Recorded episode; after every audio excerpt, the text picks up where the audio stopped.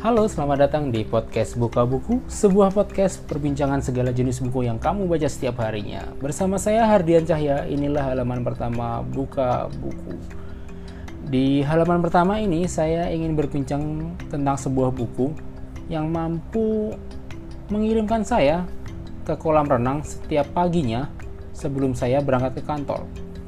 Sebuah buku yang mampu membuat saya disiplin tidur lebih cepat dan bangun lebih pagi yang mampu membuat saya makan lebih teratur dan lebih terjaga yang mampu mengubah kebiasaan buruk saya sedikit demi sedikit menjadi lebih baik. Buku itu berjudul Switch: How to Change Things When Change is Hard. Tulisan Dan Heath and Chip Heath. Mungkin banyak kali ya buku yang meng bahas tentang perubahan sikap, pembentukan perilaku, pembentukan habit. Tetapi mungkin yang menarik dari buku ini adalah konsep yang ngena banget di pikiran saya. Konsep ini sebenarnya ditemukan oleh atau dikemukakan oleh Jonathan Haidt. Dia mengatakan bahwa pikiran kita itu dibagi menjadi dua bagian. Pertama adalah bagian rasional, kedua adalah bagian emosional. Ya, itu sih nggak baru ya, tetapi yang menarik adalah Jonathan Haidt mampu menggambarkan hubungan atau interaksi kedua eh, bagian ini dengan sangat menarik. Yaitu dia menggambarkan tentang gajah dan penunggangnya, the rider and the elephant sisi rasional kita diwakili oleh penunggang gajah. Dia sangat rasional, dia terpaku oleh angka, bisa mengenal batasan waktu, metode yang jelas, dan sebagainya. Tetapi sisi rasional ini menunggang ke sebuah binatang yang sangat besar dan mempunyai tenaga yang sangat kuat. Binatang ini adalah binatang gajah dia mewakili sisi emosional kita. Jadi, rasional menunggangi sebuah emosional yang kekuatannya sangat besar. Jadi, gimana sih cara kita mengubah kebiasaan buruk kita atau mengubah sebuah organisasi yang menjadi lebih baik? Ada tiga konsep yang dikemukakan oleh buku ini. Pertama adalah direct the rider karena perubahan sering kali terjadi karena tidak adanya target yang jelas. Kedua, motivate the elephant. Kita bekerja sama atau berdamai dengan sisi emosional manusia. Yang ketiga adalah shape the path.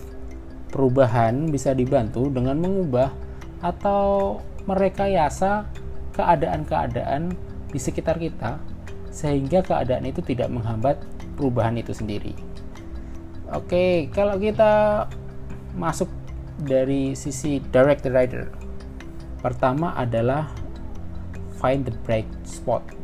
Temukan hal-hal yang positif dari diri kita atau dari kebiasaan kita.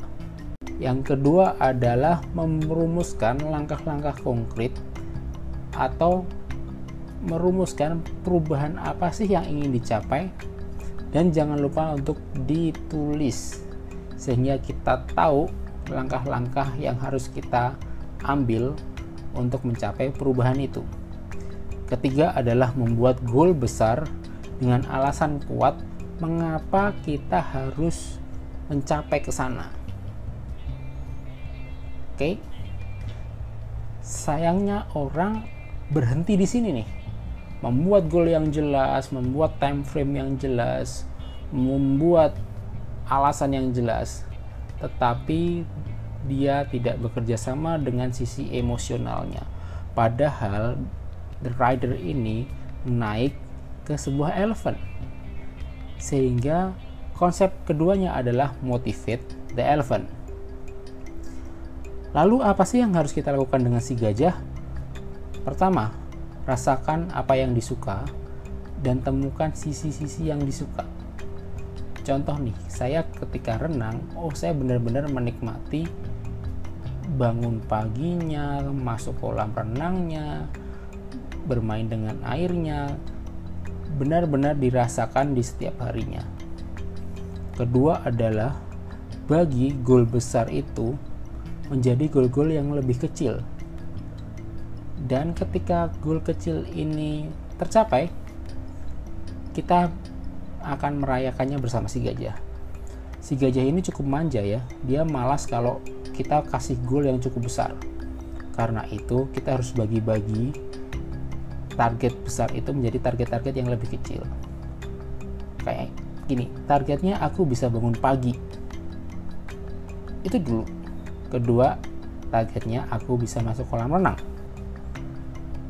Belum ngomong tentang jarak, belum ngomong tentang apalah. Jangan besar-besar dulu. Yang penting masuk kolam renang dulu.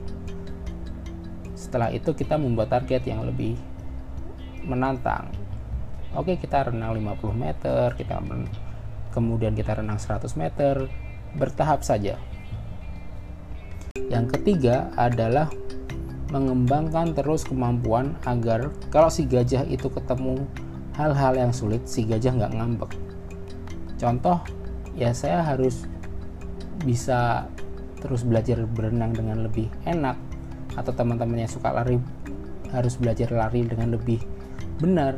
Sehingga kalau ketika kita tantang diri kita untuk lari lebih lama atau renang lebih lama si gajahnya nggak ngambek. Oke kalau masuk konsep ketiga adalah save the path. Kita harus merekayasa keadaan sekitar kita agar keadaan sekitar kita mendukung apa yang kita lakukan. Contoh kalau kita memang ingin makan dengan lebih sehat ya jangan stok indomie dong di dapur. Atau kalau kita pengen renang dengan nyaman ya nggak apa-apa deh beli kacamata renang yang lebih enak. Atau teman-teman yang suka lari ya nggak apa-apa sih beli sepatu lari yang lebih nyaman. Hal ini dimaksudkan agar perjalanan si rider dan si gajah si rider and the elephantnya nggak tersendat-sendat. Nggak terkendala masalah teknis.